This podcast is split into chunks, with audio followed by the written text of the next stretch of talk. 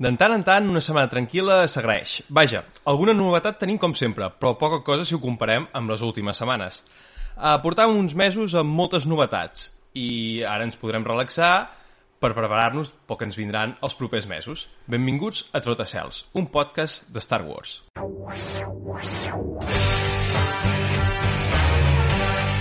Trotacels, un podcast de Star Wars. Bona tarda, Adrià, una setmana més. Bona tarda, Juan Carlos, què tal? Avui molt bé, molt bé, moltes gràcies. Estem contents perquè estem aquí fent el nostre tercer episodi. Sí. Vale? I que, encara que aquesta setmana no ha sigut allò l'hòstia, però portem alguna coseta curiosa que hem trobat per la xarxa, veritat Sí, que sí? sí, sí, ha sigut una setmana tranquil·la, tranquil·la si la comparem amb tots els mesos anteriors, que hem tingut tots els anuncis de les sèries, de les pel·lícules, eh, dels videojocs a l'últim capítol, que si algú ens escolta encara no l'ha vist, no l'ha escoltat, eh, el pot anar a recuperar a iVox, i vaja, comparat amb altres setmanes, doncs pel que és Star Wars ha sigut una setmana tranquil·la. Tot i així, alguna cosa tenim. I nosaltres internament estem desenvolupant alguna coseta, algun canal més, es, eh, segurament acabarem la web, en la nostra web, eh, dintre de poc, ja adelantem, bueno, no sé si podem... Ad Sí, sí, adelanta-ho, Adelantem, el, adelantem el domini que és trotacels.cat, Sí, com no aviat, podia ser. aviat, molt aviat, en Juan Carlos ho està preparant tot, doncs tindrem aquesta web, blog, on podrem anar publicant, més enllà dels, dels podcasts, doncs altres continguts per mantenir-nos tots plegats informats de l'univers de Star Wars. I que també la gent pot escriure, fins i tot podem deixar els comentaris de cada programa Sí. allà, encara que la gent s'acostuma, com és normal, a parlar més a les plataformes, a iBooks, a les xarxes socials, ens és igual, nosaltres estarem pendents de tots els canals, tant els nostres com el de les xarxes, i allà estarem. Totalment, si ens volen comunicar amb nosaltres, fer-nos alguna pregunta o comentari de qualsevol eh, capítol, doncs això, tindran una, un canal més, juntament amb Twitter i amb iVox. Perfecte. Bueno, doncs ara sí entrem directament amb les notícies, no? A veure què, què Sí. ens porta la setmana. Doncs començarem parlant de joguines, va, joguines, figures, això cadascú que hi posi l'etiqueta que, que vulgui. Uh, aquesta setmana uh, Funko, que pels que no la coneguin és una de les marques més conegudes de, de figures, que són molt característiques, així amb el cap molt gran, molt, molt divertides, uh, han fet el seu esdeveniment, que és el Funko Fair, i ara suposo que esteu pensant, i per què ens expliqueu això? Doncs perquè han fet una nova col·lecció de, de Star Wars, amb noves figures, perquè ja en tenen moltíssimes, i ara en tenim de, de noves. Un, un amic em preguntava, bueno, i de què va el programa, no? De Què parleu? Sí, de Star Wars i tal. Però és que nosaltres de Star Wars parlem de tot. De tot. I per què no parlar també de joguines? És la primera vegada, joguines o figures. Figures, diguem-li sí. figures potser que Sí. diguem, no són per jugar, aquestes, si ens agafem joguina amb el concepte del nen que juga, doncs això és, són més d'exposició, no?, al final. Exacte, una figura de col·leccionisme i també al nostre programa, doncs, si això va de Star Wars, del tot, l'univers Star Wars, doncs també té cabuda, clar que sí. I bueno, han tret uns, unes quantes figures curioses, no? Sí, sí, sí, han tret una línia de clauers, que fins ara de Star Wars no no n'hi havia cap, evidentment d'altres eh, temàtiques que treballa Funko doncs sí que n'hi havia de clauers, però de Star Wars no, i n'han sortit aquesta primera línia, i han tret també, que aquesta potser és la més característica, una línia de figures especials per Sant Valentí, que serà el, el mes que ve, i encara que aquí doncs, no el celebrem gaire, suposo que als Estats Units i en altres bandes eh, tindran èxits de ventes perquè han tret figures de color rosa.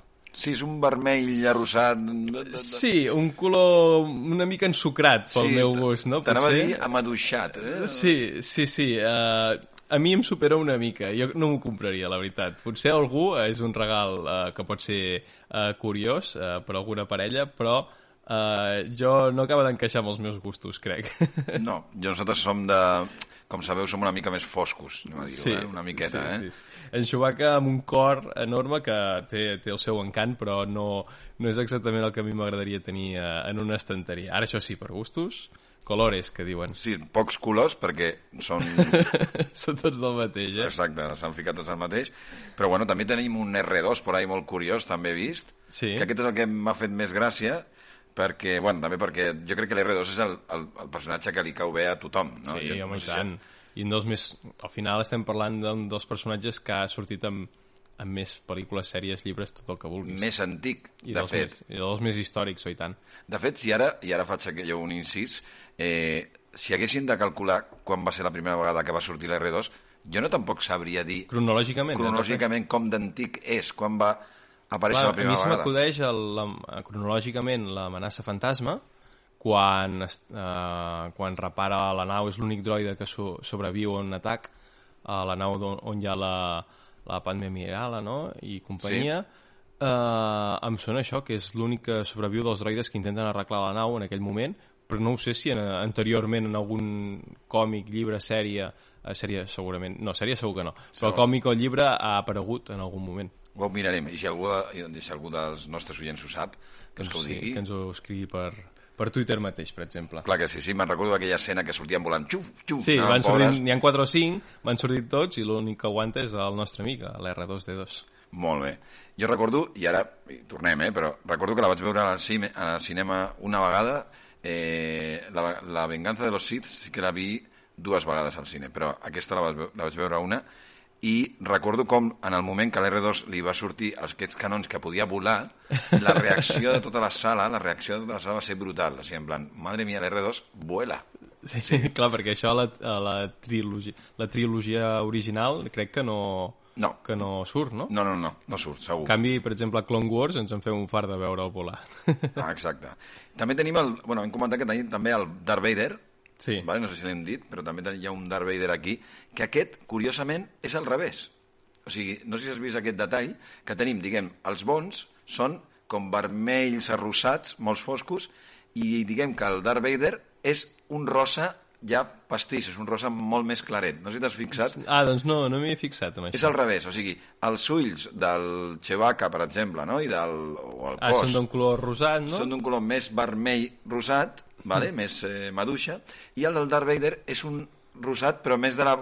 Els que, els que ja tenen una, una edat, o no? Més de la pantera rosa, eh? Mas... Vale. Vale?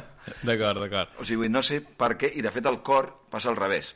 El cor en el Chewbacca és més pantera rosa i el Darth Vader és més maduixat. Vale, S'han mogut en aquesta línia de, de colors, no? Han anat combinant. No sé si té a veure amb el tema de la, dels sits i tal, han jugat amb això perquè estan invertits d'alguna manera, no?, dels colors. Però bueno, oye, una apreciació que hi ha, hi ha per aquí i ja està. I vaja, a part d'aquestes figures per Sant Valentí, doncs també han tret una col·lecció de figures mini, que jo me les imagino, doncs, eh, com diu el nom, més petites de, de les que normalment Funko eh, publica, que estan vinculades a The Mandalorian. Són tots els personatges, pràcticament tots, els que surten a la primera i a la segona temporada de The Mandalorian. Superbé.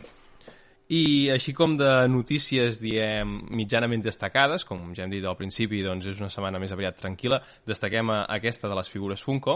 Ara passem a una secció que l'hem separat perquè no són notícies, sinó que són rumors. I eh, a partir d'ara volem deixar clar que tot això que parlarem ara eh, són especulacions, especulacions de diverses fonts i que poden tenir, doncs, podem dir més credibilitat o menys, però ara parlarem de rumors, no de notícies oficials de, de Disney, Star Wars, Lucasfilm o de qualsevol font oficial. Bueno, també està bé, no?, fer una mica, Sí, especular, una miqueta. A mi m'encanta especular Sí. i al final, normalment d'aquests rumors, segurament 100% no són certs, però alguna cosa, alguna cosa sempre acaba sortint. Sempre. I una de les primeres que podem comentar és que s'ha especulat aquesta setmana amb la Star Wars Battlefront 3. A l'últim podcast doncs, vam parlar del, del 2 perquè eh, s'havia fet una promoció on eh, a la botiga d'Epic Games es podria descarregar de forma gratuïta aquella setmana. Eh, doncs ara ha sortit que probablement s'anunciarà al mes d'abril el Battlefront 3, que això sí, sortiria de cara al 2023, però ja es faria una, un anunci de que s'està desenvolupant aquest eh, joc. Per Ja estaríem parlant, ara sí, d'Ubisoft. Uh, segurament aquest el desenvoluparia Electronic Arts igualment.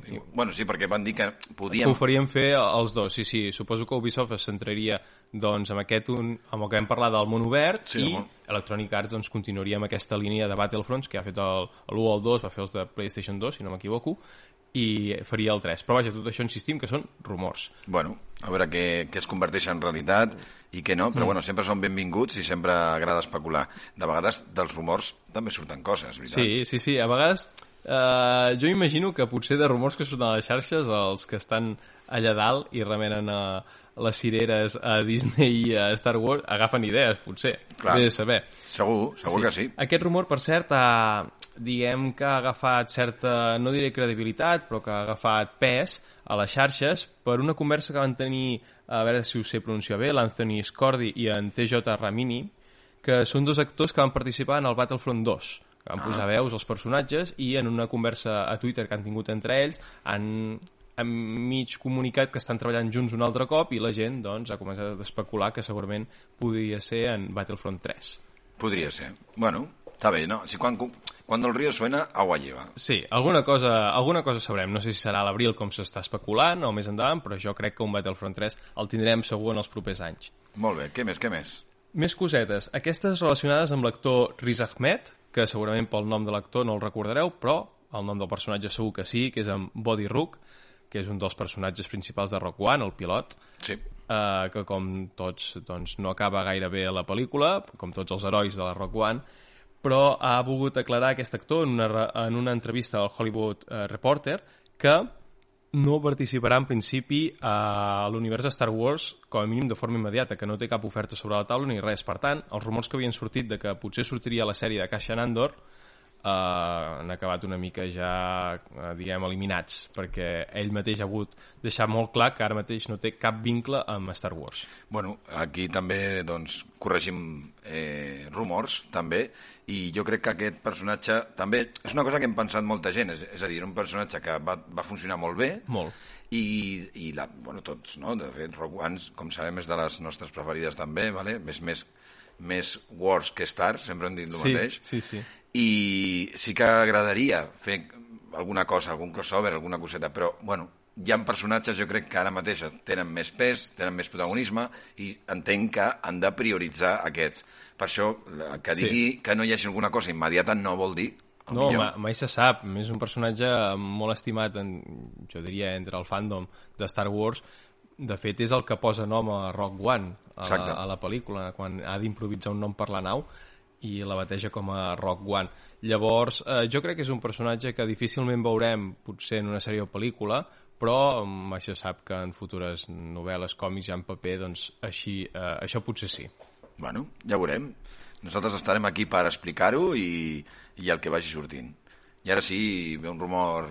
Bueno, què, què, què tenim? Què aquest, tenim? aquest no, diguem que és un rumor que no és del tot nou, que ja porta setmanes, sobretot des de que es va anunciar la sèrie de la Soca, eh, que ja ha sortit, però nosaltres no l'havíem comentat i crec que és el moment de deixar-nos anar, Juan Carlos, i Sí. especular moltíssim. Sí, La sèrie de Soca. Els rumors, eh, pel que hem llegit, doncs situaran aquesta sèrie en paral·lel a la de Mandalorian i a la vegada al final de Rebels. Que Molt bé. això a la gent que, que no ha vist Rebels, que, però que la té ubicada i sap que està entre l'episodi 3 i el 4, deu pensar, ostres, com pot ser que vagin per la Mandalorian i Rebels si passen en dues èpoques diferents? Però això és perquè els últims 5 minuts de Rebels, segurament ho recordaràs, Juan Carlos, sí tant. els últims 5 minuts de Rebels passen en paral·lel a Mandalorian, però només els últims 5 minuts de l'últim capítol, dic 5 minuts, però em refereixo al final de, de l'últim capítol.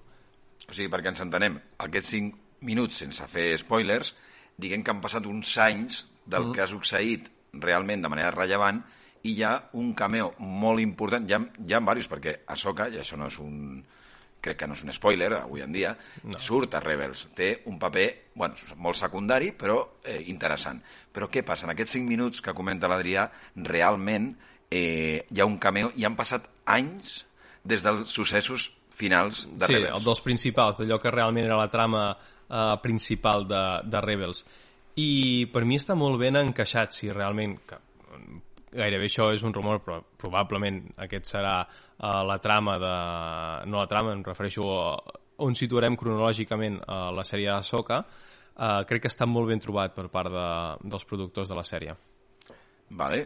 Així que aquí ja podem especular tot el que vulguem, però trobarem una soca més gran, més adulta, una soca més fosca.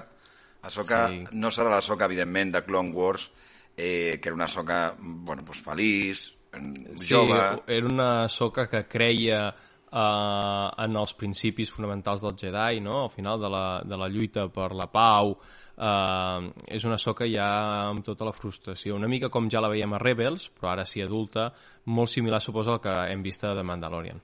No sé si la gent que, s'està, que, s'està, que ens està escoltant no ha vist Rebels, recomanem, al millor la sèrie no tant, perquè té molta palla, és una sèrie bastant, no sé, una mica fluixeta en alguns punts, però hi ha punts molt importants. És una, jo crec que a nivell de contingut, d'història sobretot, Sí. té detalls molt xulos. Hi ha, eh, i aquí sí que faré un spoiler, hi ha un cara a cara de la Ahsoka amb... anava a dir Darth Vader, però, bueno, ho deixo allà, no? La gent... Per què no dius Darth Vader si és Darth Vader? Bueno, perquè eh, Darth Vader li pot enganyar a tothom menys a la Soca. Sí. Ho deixo ahí. Vale? Sí, sí, sí, sí. Ostres, ets un, ja ho sabem tots que ets un gran defensor de, de, de la soca i, vaja, uh, continuo fent propaganda de l'últim episodi perquè em va agradar moltíssim a mi i vas fer una reflexió molt interessant que, que sobre la soca, que vaja, no dic res més perquè a la gent si li interessa ja, ja l'anirà a escoltar. Que vagi a escoltar... Oh. Aquest és l'episodi 3, doncs que vagi a escoltar el 2. dos.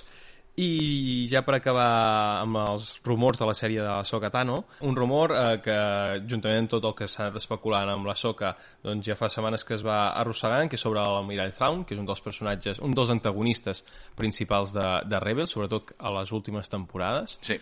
i s'ha començat a especular una mica amb qui podria ser l'actor que interpretés aquest personatge. El que té més pes, i sembla que al final serà aquest, aquest actor, serà en Lars Mikkelsen, que és un actor que ja li va posar la veu a la sèrie de Rebels, a la versió Ah, original, llavors Molt bé. encaixaria molt bé. Aquestes coses al fandom ens encanten, al final, que es reutilitzin actors, que no hi hagin canvis radicals, i, i vaja, pinta que seria una bona opció, però tot i així han sortit altres actors també que podrien interpretar-lo. Entre altres, per exemple, en, en Downey Jr., que eh, és, si no m'equivoco, l'Iron Man, Sí, clar. home.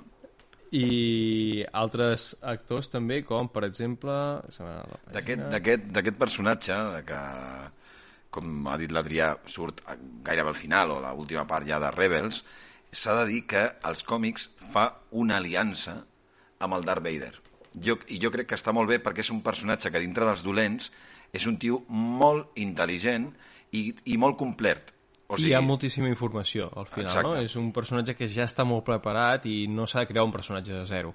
Ja té un fonaments, té una història darrere, molta gent ja els coneix per Rebels i còmics. Uh, vaja, dels actors que et deia, en Downey Jr. podria ser un dels candidats i també s'ha especulat amb, eh, amb l'actor britànic, en Benedict Cumberbatch, no sé si ho he pronunciat bé, això. Bueno. Sempre dit amb l'incògnita, que també és un actor que, mira, juntament amb en Downey Jr., els dos han fet de Sherlock Holmes, però amb, Exacte. un amb una sèrie i l'altre en pel·lícules, i són actors que també estan, diguem, a l'òrbita que podrien interpretar aquest personatge, que serien tots dos molt interessants, però pin pinta moltíssim que seran en Lars Mikkelsen, segurament. Jo crec que és un personatge que val molt la pena, vale? eh, no sé fins a quin punt arribarà la importància que li donaran, no sé si acabarà sent un personatge rellevant. Jo crec que porten un, a les sèries i a les pel·lis estan intentant com treure nous eh, dolents, vale? a Mandalorian tenim eh, també uns dolents molt importants, bueno, allà està la cosa. Jo crec que aquest podria apuntar molt bé. Per què? Perquè per una banda és un dolent important, és un dolent molt intel·ligent, molt estratègic, eh, és un dolent que sap valorar també els bons, els, els seus enemics, Sí. i quan dic valorar és entendre'ls i reconèixer, o sigui, per ell la guerra és un art. Llavors, eh, estem parlant d'una persona que, bueno, que la seva reflexió jo ho trobo un personatge interessant, intel·ligent i també és un personatge d'acció. O sigui, que per ser dolent, vale? perquè a Star Wars passa molt, Sí. tret del Darth Vader i tal, els molts dolents solen ser més generals, coses d'aquestes, no? Els, I dolents que siguin de la part aquesta més bèl·lica, però a la mateixa vegada tinguin molta acció, no sé què, no estem molt acostumats. No sé tu què penses, però... No, no, totalment. Eh, Normalment això, els dolents, per exemple, Palpatine, per posar un exemple, a excepció potser de l'escena que tenim a, a, al tercer episodi, a la venjança del, del Sith, uh, no el veiem mai, uh, diguem, eh, en, en una batalla o, alguna, o similar. Potser podríem rascar una mica en el retorn del Jedi l'escena aquella que s'enfronta amb Luke Skywalker però, i amb en Darth Vader, però vaja, és que no tenim gairebé res. Normalment és això, els grans antagonistes no són, no són soldats, manen, però no entren a l'acció. En canvi, Exacte. no és el cas de l'almirall Thrawn. I passa molt, passa molt a les pel·lis, passa molt a les sèries i passa molt també als còmics. Són papers molt rellevants, són papers que donen una continuïtat i que d'alguna manera eh, deia que són molt rellevants i que donen una continuïtat i que d'alguna manera eh, els personatges principals i de més acció van voltant en aquesta continuïtat, però aquest dolentíssim, vale? eh, jo crec que l'Almirall Traun es diu així, no? Thrawn? Sí, jo pronunciaria com a Thrawn. Vale, doncs Thrawn eh, serà la hòstia. Vale? Jo Jo, crec crec, que que, sí. funcionarà molt, molt bé. De fet, a Rebels hi ha una escena molt important eh, bueno, ara no la comentarem per no fer spoilers, però ja veureu que si no heu vist Rebels, jo personalment la recomano, i més després d'haver vist Clone Wars, crec que és una continuació que està bé, bastant més relaxada en aquest sentit, mm, amb punts molt místics, però bueno, sense anar-nos del, del tema, l'almirall Thrawn eh, funcionarà molt bé, com està funcionant també molt bé els còmics amb aquest, amb aquest, eh, eh, amb aquest còmic que està fent amb el Darth Vader, que es diu, eh, ara no em surt la paraula, eh, Aquest dit abans. crossover? No, és un crossover, les dos fan una aliança, aliances. Aliança, vale. Vale? Molt bé, fantàstic. Doncs fins aquí els rumors que hem recollit com els més destacats. N'hi ha desenes, a l'univers de Star Wars ens en podríem cansar de parlar de rumors, però vaja, aquests són els que hem destacat per avui. I eh, ara doncs podem passar, com sempre, a fer alguna recomanació. Molt bé. Tenim una recomanació molt, molt xula. Vale? Aquesta, si vols, la puc comentar jo. Tu mateix, I Juan és que Carlos. eh, es publicarà, o s'ha publicat, no, sé- no sé quan es publicarà, no, s'ha publicat, no, el 9 de març, perdó. Sí. El 9 de març, de moment en anglès, i amb un preu que... Déu-n'hi-do. Déu-n'hi-do. 100 pavos, vale? 107 pavos. Eh, es publicarà a l'òmnibus de la doctora Afra, aquest personatge que vam estar comentant en el número 2 i que és un personatge molt important eh, dintre del món del còmic, bastant important, que, bueno, eh, fa una mica d'acompanyant del Darth Vader, ja ho van comentar l'altre dia, no entrarem ara a dir molt més, però tin- tindrem el volum 1, 1 òmnibus. Eh, són 100, 100, 107 pavos, és, eh, 100, 100 d'euros, és molt, bueno, són molts diners. Sí, sí, van- és car, sí que la recopilació que tindrà l'Òmnibus al final són els set volums eh, i altres còmics, com per exemple de la saga Darth Vader que estem comentant cada setmana, eh, és tot un recopilatori de tots els llocs on apareix la doctora Afra fins ara, perquè encara és un personatge en actiu i es van publicant eh, més còmics, i vaja, aquesta notícia que ja va saltar em sembla que el novembre de l'any passat eh, però a l'últim episodi se'ns va escapar a comentar-ho doncs aquells que els interessi el personatge i vulguin esperar l'òmnibus doncs ho podran fer al març. I ja de fet ja es pot eh, fer una pre-order eh, a Amazon. Mm, això per encarregar-lo i rebre el 7 de març, això sí, en, en, en anglès. I bueno, ja, ja veurem quan apareix aquí, però ja et dic que són molts diners, és molt, són moltes peles. Ja veurem el que costa aquí, que en- entenc que en costarà més, a lo millor aquí, perquè, bueno, no sé, ja veurem. Ja ho veurem, sí, Depèn ja qui- veurem la traducció en castellà, com, a quin preu eh, anirà, però vaja, uh, Déu-n'hi-do, és, és carot, és carot, és carot.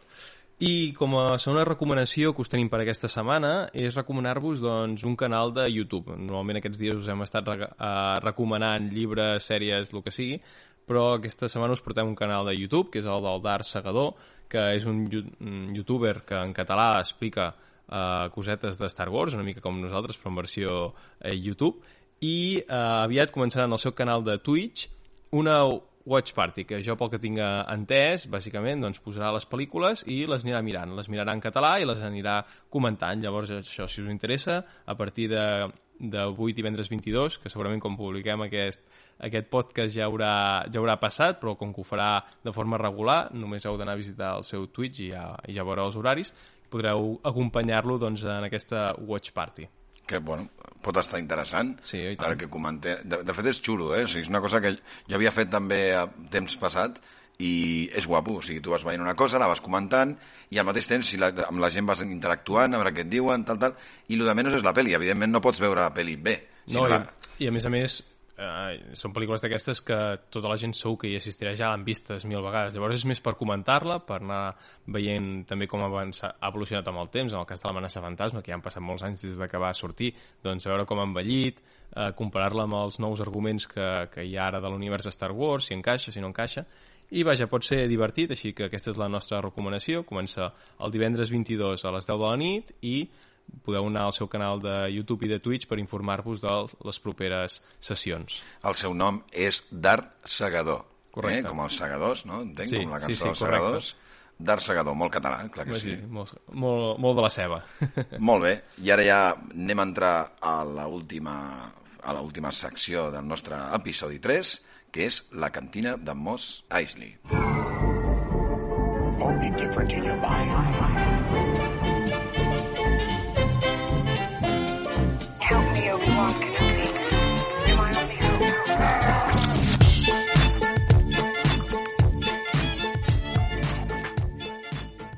I avui tenim un convidat una mica robotitzat a la cantina de Mos Eisley.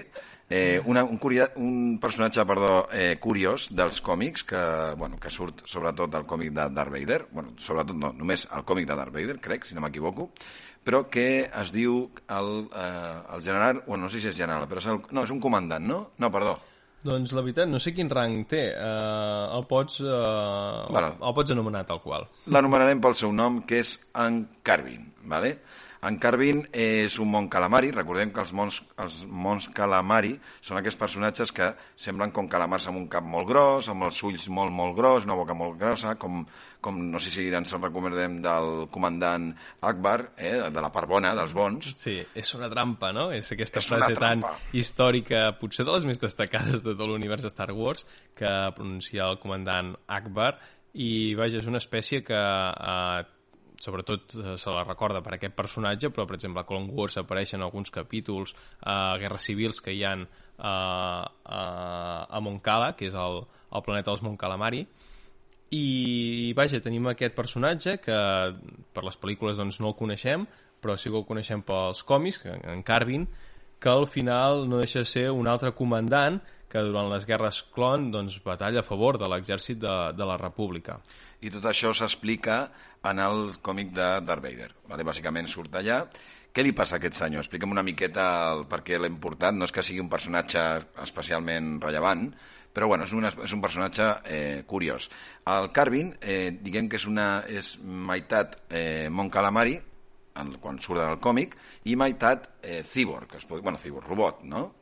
Eh, el que li passa, com explicava l'Adrià, és que a les guerres clons eh, va sofrir un... Bueno, doncs li van donar ja una bomba ben... Va, va tenir una espècie d'accident, sí, no? d'accident. Va, accident. No, com que és una batalla no podem dir que és un accident, però vaja, Bueno. que va rebre fort. va rebre fort i un personatge que algun dia parlarem d'ell perquè crec que és un personatge molt, molt interessant el doctor Silo eh, el va, eh, diguem agafar, mig fet pols i va tenir 18 anys recuperant-lo en una urna d'aigua d'aquestes que, que et curen una miqueta, que per allà han passat molts personatges, Sí. fins i tot ara em ve de memòria Luke Skywalker Sí. també en el seu moment, doncs eh, el Carvin va passar per allà, eh, li va salvar la vida, pràcticament estava mort, però en, en aquests 18 anys d'alguna manera conserva la part sobretot superior del cos, bàsicament el cap, vale? Sí.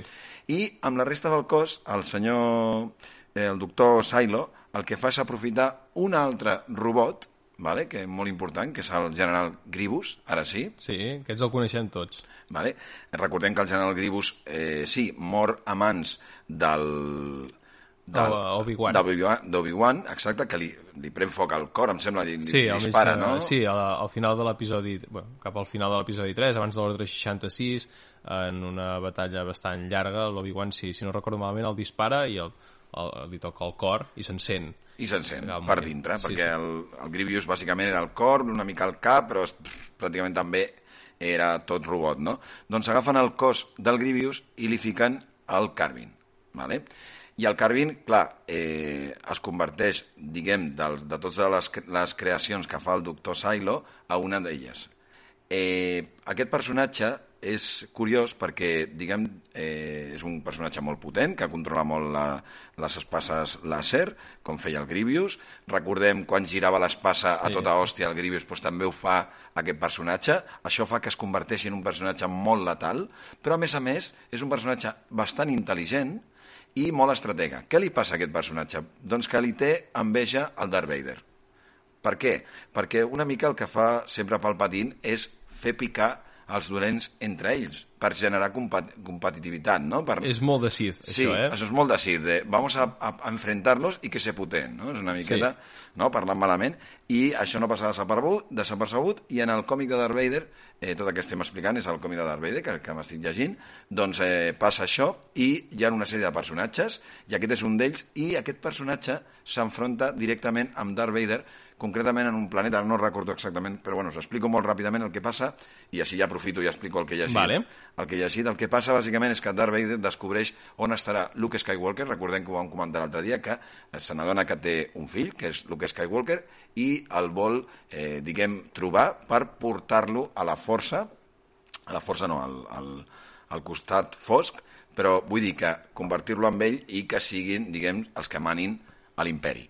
Eh, en aquest planeta hi ha una batalla, Darth Vader brutal, una, una batalla de naus molt bèstia, Darth Vader contra tots, vale? Vaja. Sí, sí, molt heavy, i eh, en una d'aquestes el Luke Skywalker i el Darth Vader es xoquen frontalment, però perquè... Uau. Sí, perquè Darth Vader, o sigui, cap nau eh, aconsegueix eh, destruir, eh, d'arribar a la nau del Darth Vader, al contrari, perquè Darth Vader més té la força, bueno, controla moltes coses. I al final Luke Skywalker veu que l'única solució és eh, xocar-se de front contra ell. Es xoquen els dos i cauen al planeta, vale? perquè estan a l'òrbita del planeta, Sí. cauen allà S'es- i es volen trobar pel camí, eh, el típic, doncs el Han Solo tal, intenta salvar el Luke, es troba l'altre, i en un moment que s'estan enfrontant tots, o que es van enfrontar tots, apareix el Carvin amb el seu exèrcit. Que, que, que hi ha una batalla entre l'exèrcit del Carvin, no? que és un petit exèrcit, Sí. i, el, i l'exèrcit de, de les, de, bueno, de, dels, del, Juan, del Han Solo, Sí, dels rebels, Sí, no? dels rebels, exacte, d'aquesta comitiva de rebels que arriben allà, i en aquest moment, en aquest rifirrafe, el que vol fer el, el Garvin és matar dos pájaros d'un tiro, és a dir, per una banda... Aprofitar una situació així de caos, no? Clar. I, eh, i vaja, i posar-se ell i intentar doncs, liquidar Vader aprofitant el, el caos. Exacte, i eh, liquidar Vader, eh, i bueno, ja veuràs que hi ha un tema ja bastant fosc en aquest sentit de persecució, d'espiar el, de, el Vader i tal. Eh, no, done, no diré res més, ja anirem explicant, vale, farem spoiler, però diguem que aquest personatge surt bastant més, fa més coses, eh, però bueno, diguem que del còmic de Darth Vader no passa. Vale. Vale. Vale, vale, ja sé per on, jo ja sé per on vas. Uh, pels que ens esteu escoltant, doncs diguem que tindrem, uh, evidentment, si us voleu, si voleu spoiler, només heu de fer una mica de cerca i trobareu de seguida com acaba Exacte. uh, aquest personatge en Carvin, aquesta versió del general Gribus, però amb Mon Calamari. Uh, però vaja, nosaltres no us ho direm per si voleu fer alguna lectura extra.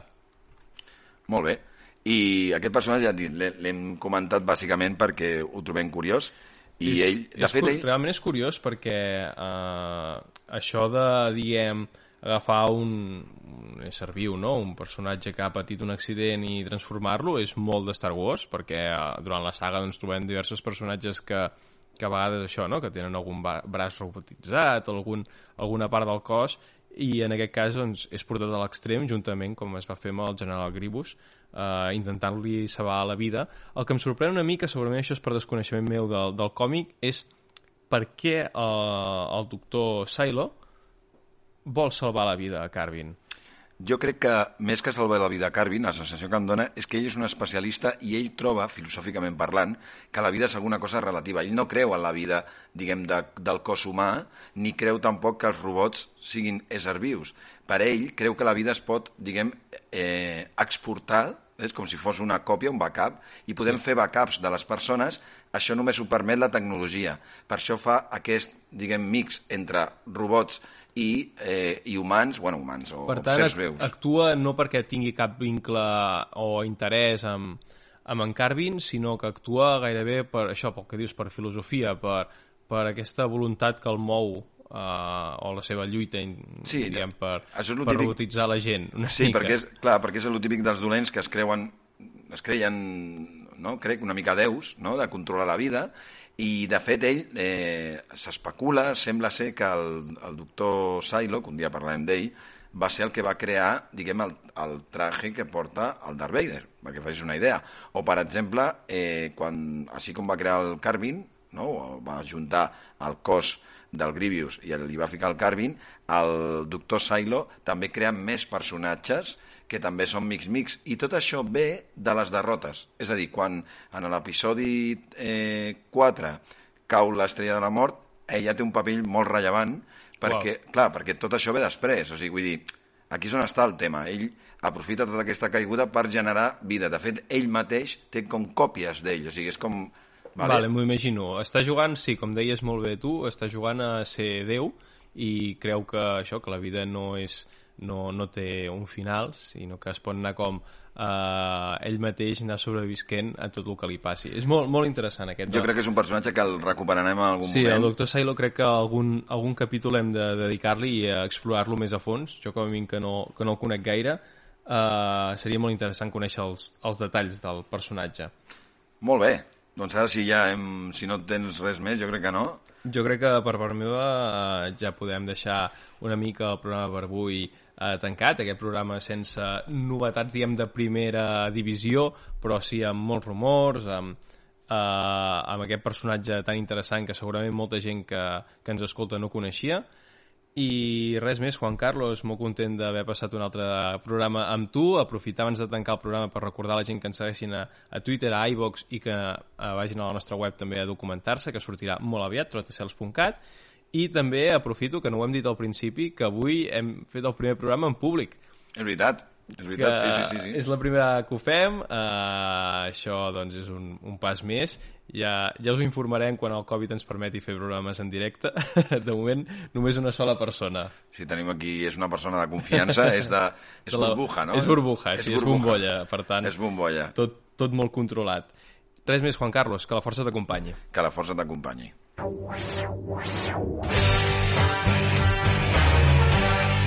Trotacels, un podcast de Star Wars.